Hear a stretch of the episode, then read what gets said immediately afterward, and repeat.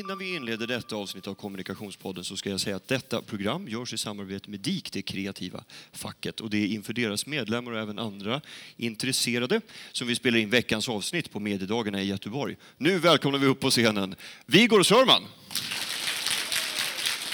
Tack! Vilken härlig, eh, vilket härligt mottagande här i Göteborg. Verkligen, vilken ja, härlig verkligen. cue de hade. De hade Ja. nästan som att de hade övat på det Eller innan. hur? Ja.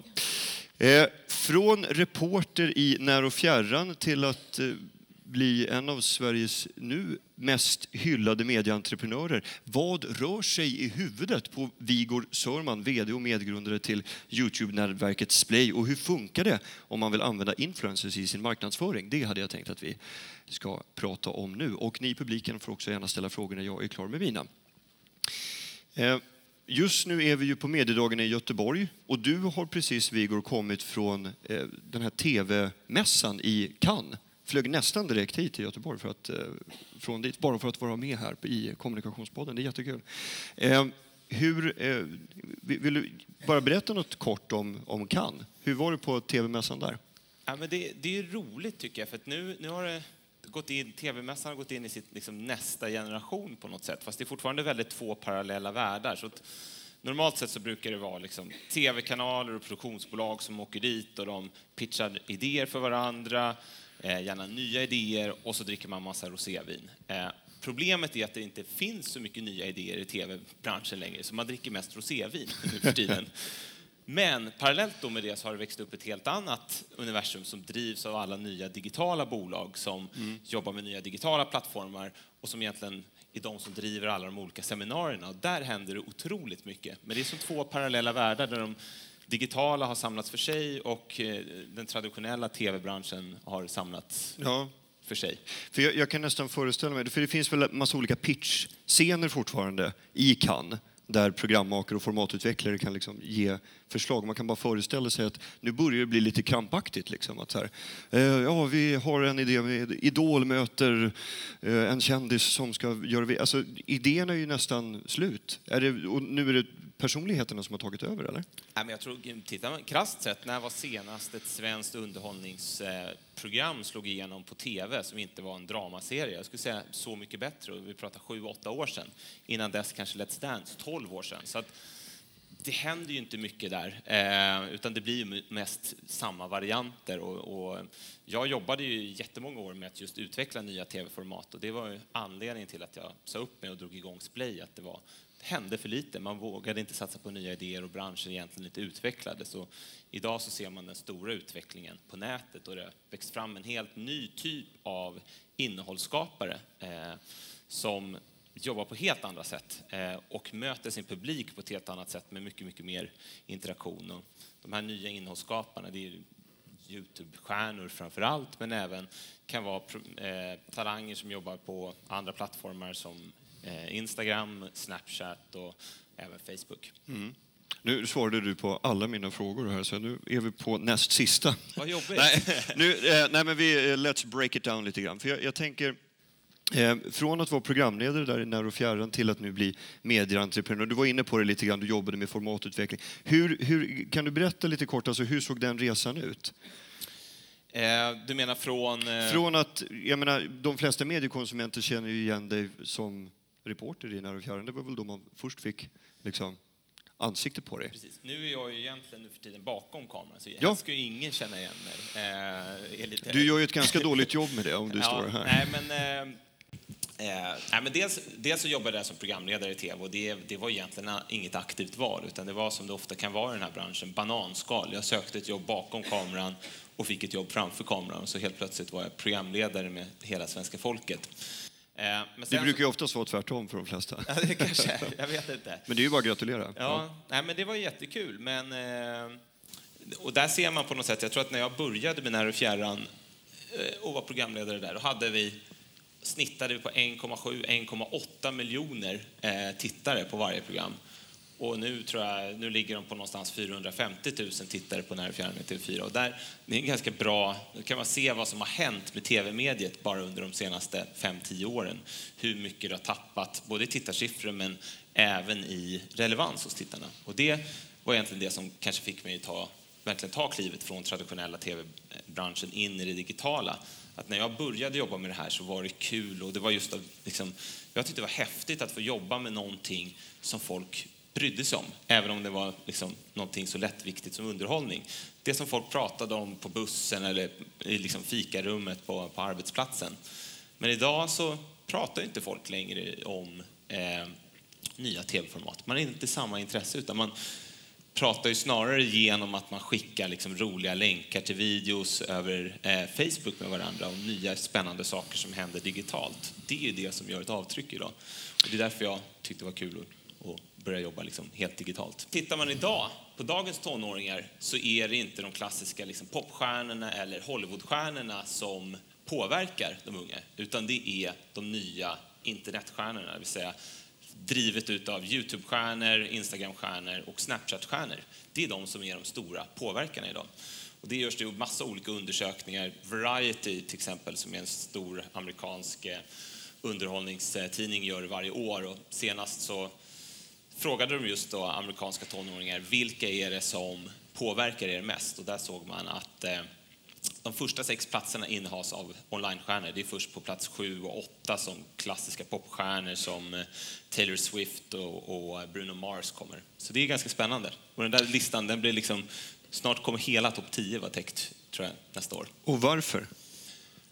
Varför Anledningen är, är ju hur de egentligen kommunicerar med sin målgrupp, som de gör på ett helt annat sätt. Tänk, liksom, ta en klassisk eh, Hollywoodstjärna Tom Cruise, kanske lite i gamla gardet, men vi, vi tar honom som ett exempel. Då, han kanske släpper fyra filmer per år. Då går han upp och så kör han en presskonferens inför varje film. Man bjuder in några journalister som sitter så här och så får de ställa frågor. Eh, det gör han fyra gånger, väldigt så punktmarkerat. Vi gör fyra kampanjer per år. Och det är ju ganska likt egentligen om man tittar på hur många annonsörer idag jobbar. Man gör sina kampanjer som ligger som block och man har planerat jättemycket och man vet precis hur man ska kommunicera och det är precis på det här sättet vi ska göra. Men tittar man då på de här nya typerna av Youtube och Instagramstjärnor så har de ett helt annat sätt hur de pratar med sin publik. De är i ständig dialog med dem. De bjuder in sin publik att bli en del utav innehållet och de ser inte ens sin publik längre som en publik utan som familjemedlemmar. Och det är det som gör att de får en så nära relation med sin publik och som i slutändan gör dem till sådana stora påverkare för den målgruppen. För att, det vet man ju själv, man litar ju och lyssnar ju på sina familjemedlemmar eller på sina kompisar. Det är de som man litar och tror allra mest på. Vi ska ju prata lite grann om marknadskommunikationen inom Splay och på vilket sätt eh, också eh, kommersiella aktörer så med ett budskap eh, kan använda influencers som ett verktyg. Och jag tänker, styrkan i Splay har du sagt är att man ska kunna testa sig fram. Hur, hur, hur menar du? Vill du utveckla det lite? Nej, men det roliga är ju att på nätet så kan man ju testa sig fram och man kan också fråga publiken ens innan man gör någonting. Man kan fråga, vad tycker ni om det här? Är det här en kul idé? Och så får man genast de första minuterna eh, flera tusen svar som säger, det här är kul, nej det här verkar inte så kul, kan du inte göra det här istället? Så på det sättet behöver man inte göra som man annars ofta gör, att man lägger flera års planering ibland eh, och gör liksom, vi tar då TV till exempel, då tar det två år att sälja in ett program och så tar det ett halvår att producera det och sen ska man lansera ut det. Ja, så blir det en flopp första avsnittet. Då sitter man där med tio avsnitt och man vet att det är kört. Ja, jag, jag, jag... Istället för att bara fråga publiken först innan. Verkar det här kul? Mm. Ja, det verkar kul. Vi testar och gör någonting. Vi bara filmar någonting lite enkelt, lägger upp, får reaktionerna bra, här har vi en succé. Mm. Det bygger vi vidare på. Ja. Och så tror jag liksom att varumärken ska tänka mycket, mycket mer. Att man inte jobbar ett halvår, man har gjort tusen analyser som egentligen inte bygger på vad, vad ens målgrupp vill ha, utan det bygger på vad man, har, man tror att de vill ha. Fråga dem istället. Men, men där undrar jag, hur pass formbar kan en kampanj verkligen bli? Nu kanske jag tänker jättegammalt här, men behöver inte en sponsor veta vad som sägs om varumärket? Du pratar när man jobbar tillsammans med oss? Eller? Ja, alltså, när, alltså säg att jag vill sälja mjölkchoklad och sen så tar jag kontakt med ett Youtube-nätverk och sen så säger det nätverket att ja, men den, här, den här influensen är jättebra, de gillar ert varumärke. Och sen så vet jag, sen så bara plöjer jag ner en massa pengar och jag vet inte alls vad de kommer säga. Ja, precis. Och det där är, det är ju ofta Det känns ju lite shaky. Det, det, är ju precis, och det är ju väldigt många marknadschefer som tycker, och så där behöver det ju inte heller vara. Utan jag tror att det viktiga, det man ska tänka på när man jobbar med så kallade influencers, det är att man inte ska se dem som kändisar som man placerar in i sin reklamfilm. Och det tror jag fortfarande man gör, för man är van vid att man kanske haft liksom en sportstjärna. Så, här, ja, men så ska vi ha någon som står och håller upp den här chokladkakan mm. och ser glad ut. Famous people smoke Kent, liksom. Precis. Så. Mm. mm. men man ska inte se de här influencersarna som kändisar, för det är inte egentligen vad de är från början, utan de är producenter eller creators, eh, kreatörer. Så man måste jobba med dem som att de är kreatörer eh, och på det sättet blanda in dem i, i, i hela liksom skapandeprocessen. Det är då det blir bra, för de vet hur man pratar med sin målgrupp, de vet vad som funkar, vad som inte funkar. Mm. Så det handlar om att det är inget problem att man kanske som ett varumärke kommer att ha en grundidé och man har vetat ungefär det är hit vi vill nå, det är den här målgruppen vi vill nå, det är de här delarna som är viktiga att kommunicera, det är det här vårt varumärke står för och det här är kanske saker som vi absolut inte står för. Mm. Men ta in influencerna, gör dem delaktiga i processen och då kommer man få se på ett fantastiskt resultat. Och det är så vi hela tiden försöker jobba. Att det är inte så att vi sitter och hittar på knasiga idéer som inte som inte hänger ihop med, med influencersna. Utan vi har ju influencersna som sitter på vårt kontor. Vi tar in dem i processen mm. när vi hamnar i det läget. Ni sitter på telefonboken och kontaktnätet så, och binder ihop dem?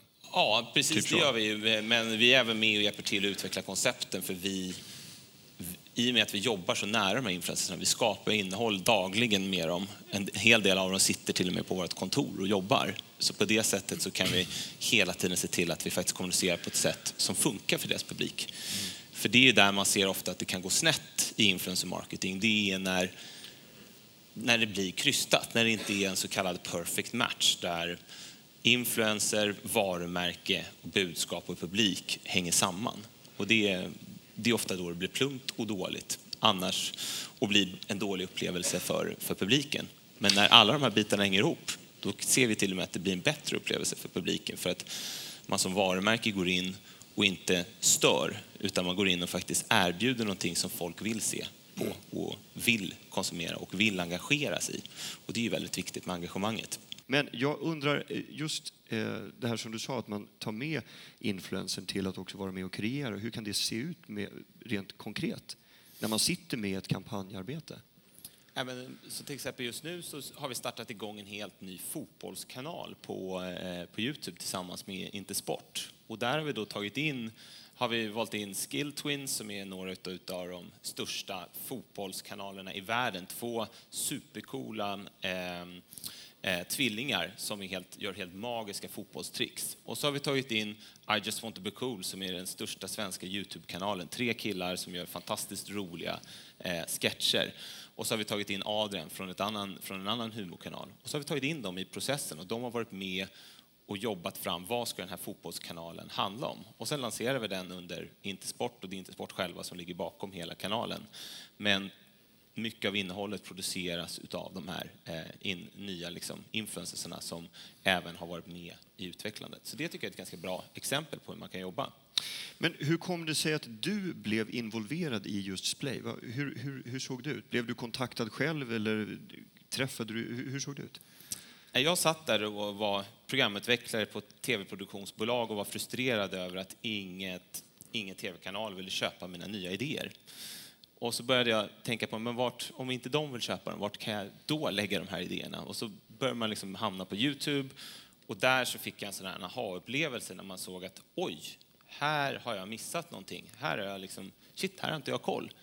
Det finns killar, tjejer eh, som sitter och producerar ett innehåll som får fler tittare i Sverige än vad jag har på mina liksom, stora miljonproduktioner i tv.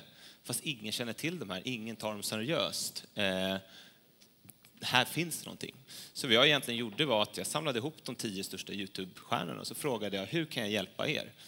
Och då, det första var att de bara ville hittas, hitta någonstans att samlas. Det fanns ingen gemenskap, alla satt utspridda och gjorde sin egen grej. Eh, så det var ju ganska enkelt att börja bygga en community. Nästa del var att man ville utvecklas och framförallt få sina kanaler att växa. Och genom att vi sammanförde alla de här personerna och började göra så kallade collabs, samarbeten mellan olika kanaler, så hittade deras publik varandra och så växte de lavinartat. Och det tredje var att de sa att vi måste kunna tjäna pengar på det vi gör om vi ska kunna fortsätta satsa på det här om vi ska kunna jobba med det här professionellt. Och där så kom vi in då och började titta på, okej, okay, det går inte att tjäna tillräckligt mycket pengar på reklamen på eh, Youtube och inte på liksom, jobbar du på Instagram så tjänar du inga pengar alls som kreatör. Så du måste hitta helt nya sätt. Man måste liksom rita om hela, hela kartan hur du faktiskt kan jobba professionellt med innehåll på nätet. Eh, och idag tittar man, liksom, det finns ju ingen förutom möjligen Netflix som är lönsamma på nätet, men ingen som har lyckats bygga en reklamfinansierad verksamhet som går runt. Kvällstidningarnas tv-satsningar, tv-kanalernas tv-satsningar på nätet, det går inte runt på vanliga annonser. Så man måste hitta ett annat sätt att jobba där och då blir det att tillsammans med varumärken skapa ett innehåll som folk faktiskt vill titta på. Mm. Mm. Och inte skippa som, som blev lösningen. Och det är det som vi har jobbat ut efter och det är därför det är så många kreatörer idag som faktiskt kan leva på det de gör. Men det, det där tänk, det var bra att du kom in på det, för eh, det pågår ju en debatt kring den här nya formen att marknadsföra. När man går över till en traditionell, väl tydligt displayad eh, Eh, marknadskommunikation till att någonting som bara vävs in i ett flöde. Finns det inga risker att använda sig av influencers, tänker jag? Blir inte budskapen vilseledande? Ja, men att man inte att... vet att man utsätts för reklam? Ja, eller det, utsätts, det, viktiga, men, ja. ja. men det viktiga är att alltid vara supertydlig med att vem det är som ligger bakom, att det är ett företag, att det handlar om ett betalt samarbete, eh, att det handlar om marknadsföring helt enkelt. Och att man direkt som tittare ska kunna förstå att det här är marknadsföring, eh, eller delar av det här innehållet är marknadsföring. Det är det här företaget som ligger bakom det. Jag är medveten om det, men jag väljer att titta på det ändå. Eh, för att man kommer ingen vart med smyger mer, för publiken är ju supersmart här. De upptäcker det direkt och känner de sig lurade, då visar de det i form av kommentarer, i form av att de slutar att följa dig, alltså prenumerera eller följa dig på Instagram. Och det ska man tänka på att de här influencersna, deras största värde, det är hur många följare de har på sina olika plattformar. De skulle aldrig göra någonting som gör att de faktiskt riskerar att tappa de här följarna. Mm. Det är det inte värt, även om man får jättemycket betalt. Och där tror jag, där har branschen blivit ganska bra nu eh, på att ha, man är väldigt tydlig i många fall eh, med att det handlar om marknadsföring. Man är det direkt och vi ser att bara man är tydlig och eh, eh, presenterar det på ett smart sätt och att innehållet sen är så bra så att det faktiskt adderar ett värde, för det handlar hela tiden om att addera ett värde och skapa ett engagemang. Så länge man gör det, då blir det bara en win-win-win för alla inblandade. Men just, än en gång, när matchen inte är perfekt mellan varumärke eller influencer, när man inte har varit tillräckligt tydlig med att berätta att det är ett samarbete så folk känner sig lurade, det är då det inte blir bra och det är då som dels så liksom får man inte mycket visningar, det blir dåligt engagemang, mycket dislikes och så vidare. Nu har jag typ en fråga kvar, så nu kan ni göra er beredda, ni som också vill ställa frågor i publiken. Men jag tänkte, eh, för de som är nyfikna att komma igång att arbeta med influencers, antingen med marknadsföring eller att kanske själv eh, ge sig in i den typen av produktioner. Hur kommer man igång? Hur skulle du säga? det viktigaste. Sen tycker inte jag att man alltid måste bara jobba med influencers. Det blir lätt att man bara fokuserar på influencers. Influencers är ett jättebra sätt att jobba med för att, för att få en stor räckvidd direkt eftersom man, man tappar ju in liksom i deras community och blir en del av det och på det sättet så tar man en genväg in eh, till att få ett eget community som varumärke. Men sen går det ju att börja bygga liksom, vad jag tycker är intressant, och det är det som vi försöker hjälpa många av våra varumärken med, att bli sina egna mediehus mer eller mindre. Att gå ifrån att producera reklamfilmer som man prackar på folk och som folk gör allt för att fly ifrån. Man använder adblockers, man hittar på alla möjliga kreativa sätt och man hatar reklamen. Eh, det är ju det som alla undersökningar visar på. Så att det första omställningen nu som varumärke måste göra, det är att man ska gå från den här typen av påprackande reklam till att faktiskt börja tänka på hur kan jag addera ett värde för, för eh, den målgruppen jag vill nå? Och då måste man börja titta på vad är den här målgruppen intresserad av? Eller vad är deras liksom, passion point som vi pratar om? Och då får man titta, okej, okay, det här är det som den målgruppen jag är intresserad av, eh, som de är intresserade av. Det här är det som mitt varumärke står för. Och så vill man liksom hitta den här så kallade sweet spoten emellan där. Eh, och i vissa fall så hittar man då influencers som kan hjälpa till och då går det fort att komma igång. I andra fall så kanske man ska hitta ett annat sätt och bara börja producera bra innehåll och hela tiden tänka på att det handlar inte om att du måste bara sälja den här produkten varje gång utan tänka på hur kan jag göra ett kul innehåll. Jag såg ett jättebra exempel med eh, en företag som säljer konstgödsel. Ganska svårt att skapa ett kul Instagram-konto kring det kan man tänka och börja bygga liksom ett engagemang. Men vad de då gör är att de istället ser till att ha det bästa Instagram-kontot där man skickar med, där man visar inspirerande blombilder. Och all, och så det handlar bara om fantastiska blommor. Och folk börjar följa det här Instagram-kontot för man vill få den inspirationen och man får lära sig saker och så vidare. Fast i, i slutändan så är det egentligen konstgödselbolaget som, som deras Instagram-konto. Det är ett väldigt smart sätt att tänka på. Att vad är min målgrupp intresserad av? Hur kan jag tillföra ett värde? Ja, men de vill se bra blommor, de vill få smarta tips och tricks. Där det inte hela tiden är att jag måste visa min påse med konstgödsel. Ja, just det. Så det blev skitbra i slutändan i alla fall. Det var ju bra. Eller hur? Ja. Man är i Göteborg, jag ber om ursäkt. Eh, det kommer med, med luften. Eh, är det någon som har en fråga ute i publiken? Här borta. Andra raden. Säg gärna vad du heter också. Hej, hörs jag nu eller? Hörs hon? Lite sådär. Ja. Vi hör dig. Vi ja, hör det. Jag heter Johanna Lundström och jag har en fråga till dig. Det är ju så att många av de här nya innehållsskaparna är ganska unga. Och jag tänker exempelvis på Miss Lisebell då, som blev punktmarkerad egentligen av Marknadsdomstolen. Om jag, alltså hur ser du på det ansvaret som ni har från Splay när det gäller att hantera de här unga människorna och att de liksom följer de regler och lagar som finns när det gäller marknadsföring? Nej, men vi, vi, för oss är det en självklarhet att följa marknadsföringslagen. Det har alltid varit sedan vi har dragit igång och det är så vi jobbar. Så vi har, dels så är alla som jobbar på vårt jobb utbildade i exakt hur marknadsföringslagen funkar. Vi, eh, vi har infört något som heter annonsmärkt garanti, det vill säga att alla kampanjer som går genom oss där vi är med och tar fram koncepten eller där vi är delaktiga så ansvarar vi på Splay för att man följer marknadsföringslagen. Sen så är det så här, ja, många är unga kan man säga, men, men om man tittar på våra största och våra flesta influencers eh, och den publiken vi har så är över 70 procent över 18 år. Så det är egentligen motsvarande vilken tv-kanal eller radiostation som helst. Så att det här att det är så himla ungt på Youtube, det stämmer inte.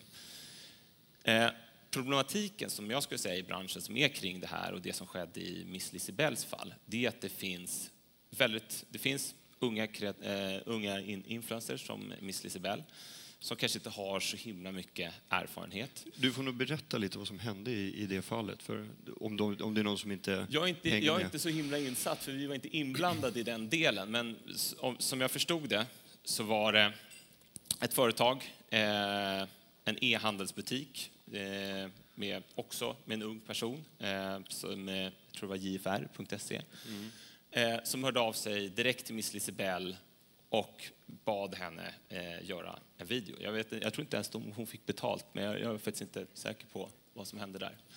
Och det skulle jag säga, det är liksom den stora, att stora varumärken eller att vi, eller att profiler som har jobbat länge med det här bryter mot marknadsföringslagen, det sker inte i princip. Liksom.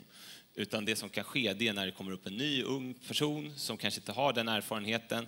Det finns ett företag som kanske är nytt och inte vet riktigt hur marknadsföringslagen finns och så kontaktar de varandra direkt.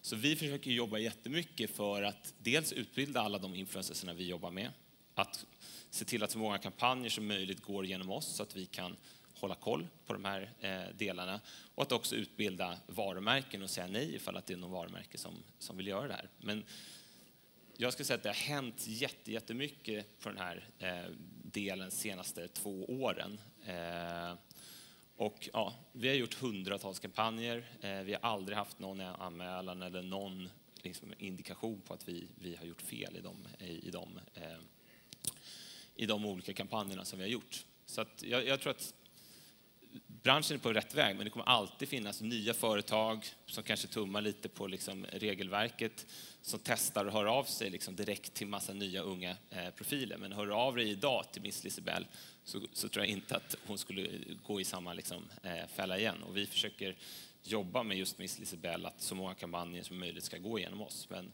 vid det här tillfället så var vi inte ens inblandade. Vi hade ingen vetskap om att kampanjen skedde. Någon mer som har en fråga? Där bak, varsågod.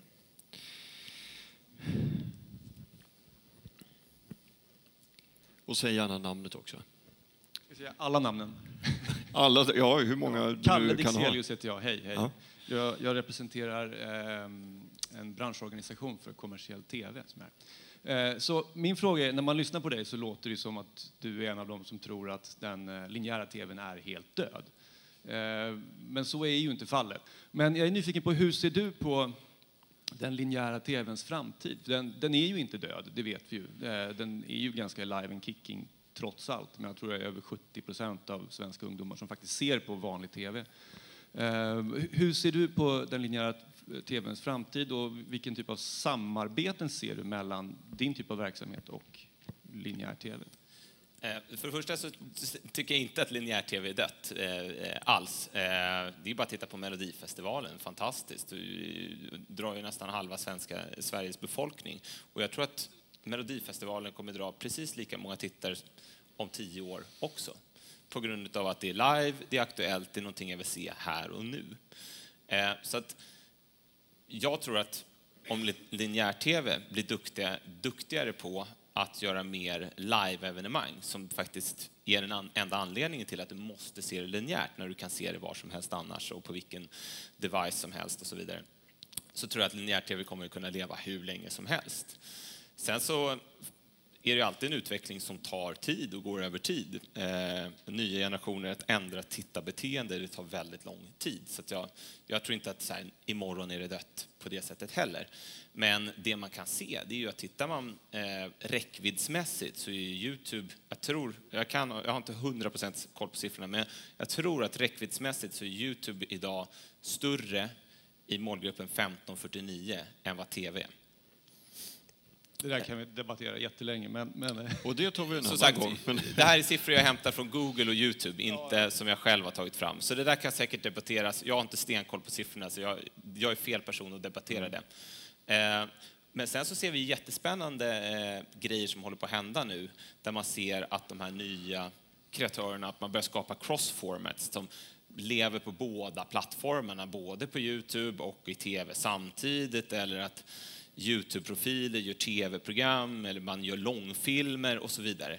Så det där med att liksom dela upp det mellan linjär-tv och alla de här olika plattformarna, det är väl strunt samma. Det handlar väl om innehåll och skapa bra produkter och bra varumärken. Och med varumärken menar jag att Let's Dance är ett bra varumärke. Det skulle kunna finnas på alla olika plattformar. Clara Henry är ett bra varumärke. Det kan finnas på alla plattformar. Personligen så är jag helt jag jobbar lika gärna med linjär-tv som, som, någonting an, som, som digitalt så länge det finns eh, så länge det finns en skapande lust och, ett, eh, ett, och publiken vill se det och konsumera det på den plattformen. Så att, ja, var det ett, var det ett svar? det var ett svar, absolut. Tack. är det någon mer som har någon fråga? Eh, ja, där. ja, vi kan börja med dig och sen så har vi en till i mitten sen. Hej, jag heter Madeleine Svärdhus och jag jobbar med gammelmedia så att ni får förlåta om frågan är naiv. Men, Va, var jobbar du någonstans? eh, jag jobbar med tidning, papperstidning, också med webb. Men det här är en ganska ny värld för mig. Jag får höra det mesta via mina barn. Men då undrar jag, du sa att man måste vara tydlig med varumärket och influensen. Och jag undrar, hur går en matchning till? Eh, både från de här som då är med i Youtube och de som vill sponsra någon. Det kan gå till på massa olika sätt, men ett vanligt sätt som det går till det är att ett varumärke hör av sig till exempel till oss och säger att vi vill nå målgruppen tjejer 18 till 25 med vår nya eh, produkt som är det här. Eh, vi vet inte riktigt hur vi ska göra, kan ni komma fram med ett bra upplägg på det? Och vad vi gör då är att vi tar fram ett koncept, ett upplägg baserat på den målgruppen de vill nå. Vi tittar på vilka typer av influencers vi tror skulle kunna vara en perfekt match.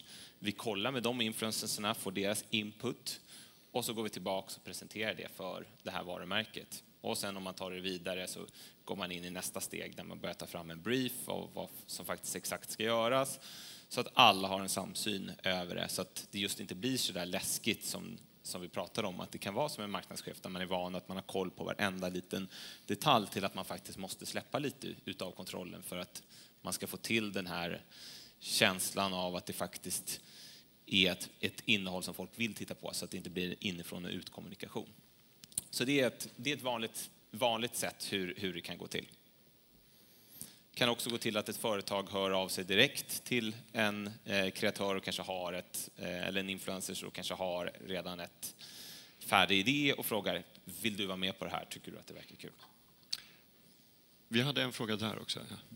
Hej, eh, Maria Edström från Göteborgs universitet, forskare där. Ehm, jag undrar vad ni, hur ni tänker när ni bygger de här, alltså i form av idévärldar. För när du pratar om den här nya fotbollskanalen så lät det som att ni då tyckte det var jättekul med tre influencers då, som alla var killar på en ny fotbollskanal när vi vet att det finns både tjejer och killar som gillar fotboll och så vidare. Och finns säkert, alltså, alltså, det känd, då fick jag en tanke att eh, ni eh, förstärker stereotyper eh, i era byggen? Eller vad har ni för, jag undrar bara vad ni har för strategier kring det, vad ni är med och bygger för idévärldar? Det roliga med Youtube är ju att eh, när jag började jobba med det så var det ungefär 80% killar, 20% tjejer som kollade på Youtube. Idag så är det 55% tjejer, 45% killar som kollar på Youtube. Eh, och det roliga med Youtube är att det öppnas för så mycket, det är så öppet. Eh, vi har till exempel en, en av våra snabbast växande kanaler just nu heter Thomas Sekelius och är en kille som sminkar sig. Och han accepteras helt eh, bland allihopa. Eh,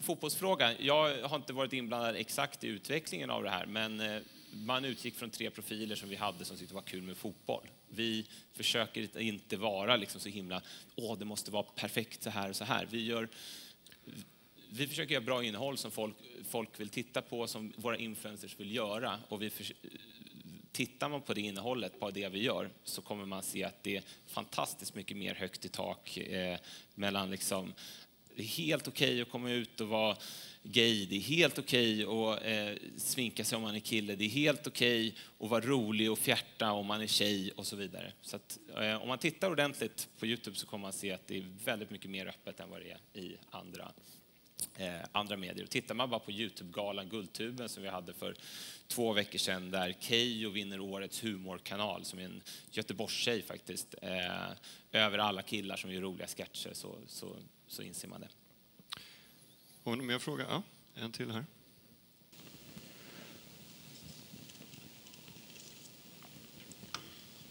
Ja, det var Johanna Lundström här igen. Jag funderar hur ni resonerar kring det här med att, att bygga på lånad mark så att säga. Ni jobbar ju med Youtube, via Instagram, Snapchat. Man sitter ju lite i händerna på de som levererar distributionen. Alltså hur ni resonerar kring den aspekten. Vi resonerar så att vi vill jobba med de bästa innehållsskaparna på de största plattformarna och gärna sprida vårt innehåll på så många plattformar som möjligt. Det är vår grundinställning. Eh, och göra så bra innehåll som möjligt. Youtube producerar inget innehåll själva. De skulle inte vara någonting utan sina innehållskreatörer. Om de inte värderar sina innehållskreatörer högt och börjar göra dåliga villkor för dem och så vidare så kommer de gå till en konkurrerande plattform. Eh, enda anledningen egentligen för oss att börja bygga egna plattformar vilket vi gör också, det är att kunna hitta ett bättre sätt eh, att bygga en, bygga en affär för innehållsskaparna där de kan tjäna mer pengar själva och få ta, ta del av en större del av intäkterna själva. Så till exempel så har vi dragit igång ett projekt där vi hjälper våra talanger att skapa sina egna appar som heter Unicorn Me. Och där några av våra talanger nu redan har skapat sina egna appar. Och där, har de, där kan de tjäna större del av annonsintäkterna själva. De kan också hitta nya sätt att eh, tjäna pengar i, i det de gör med sina olika eh, eh, Ehm, så de kan använda allt från liksom inuti appköp eller betalprenumerationer för att få tillgång till speciellt exklusivt innehåll och så vidare. Men jag tror att fortfarande kommer det vara de stora plattformarna. Det är det som är viktigt, att få, få den stora räckvidden. En fråga till här, från första raden. Mm, för den första raden. Frida Edman heter jag, eh, jobbar på MEG och vi jobbar även med Bokmässan. Mm. Eh, jag tänkte när du pratar om andra plattformar och att ni hjälper eh, de här personerna vidare och eh, bortom Youtube-kanalen också. Hur mycket blir ni agenten att eh, eh, hitta fler rättigheter i andra kanaler, inte bara de digitala? Jag tänker på många av de här som ni har i ert stall börjar ju bli författare också och ta sig in i andra världar och andra medieutrymmen. Blir Splay ett eh, hot även mot förlagen eh, eller andra typer av kanaler. Vi hoppas verkligen att vi inte blir ett hot mot någon nästan. Vad vi vill är ju att göra bra samarbete med precis allt och alla. Och tar vi då Clara Henry som ett exempel så gjorde vi just ett samarbete med ett förlag där vi släppte en bok eh, eh, som blev en bästsäljande bok. Jag tror att hon slog någon sorts besöksrekord här på Bokmässan i Göteborg och fick fler folk som köade till hennes monter än alla andra genom alla, alla tider. Till och med Fredrik Reinfeldt som satt bredvid och, och sådär. Så att, men, eh, så vi hoppas att folk inte ut, eh, ser oss som ett hot utan som en spännande samarbetspartner. Eh, och vi försöker alltid utgå ifrån de eh, kreatörerna som vi jobbar med. Det är de som, som vi representerar tillsammans med de varumärkena som vi jobbar med. Eh, och eh, tittar man då på våra större profiler så har de idag eh, egna managers som jobbar eh, med dem, eh, som jobbar hos oss eh, för att hjälpa dem att bygga sin karriär och egentligen hjälper dem att uppfylla alla deras drömmar som, som de vill ha. Och det är jätteviktigt för att de ska kunna koncentrera på det de gör.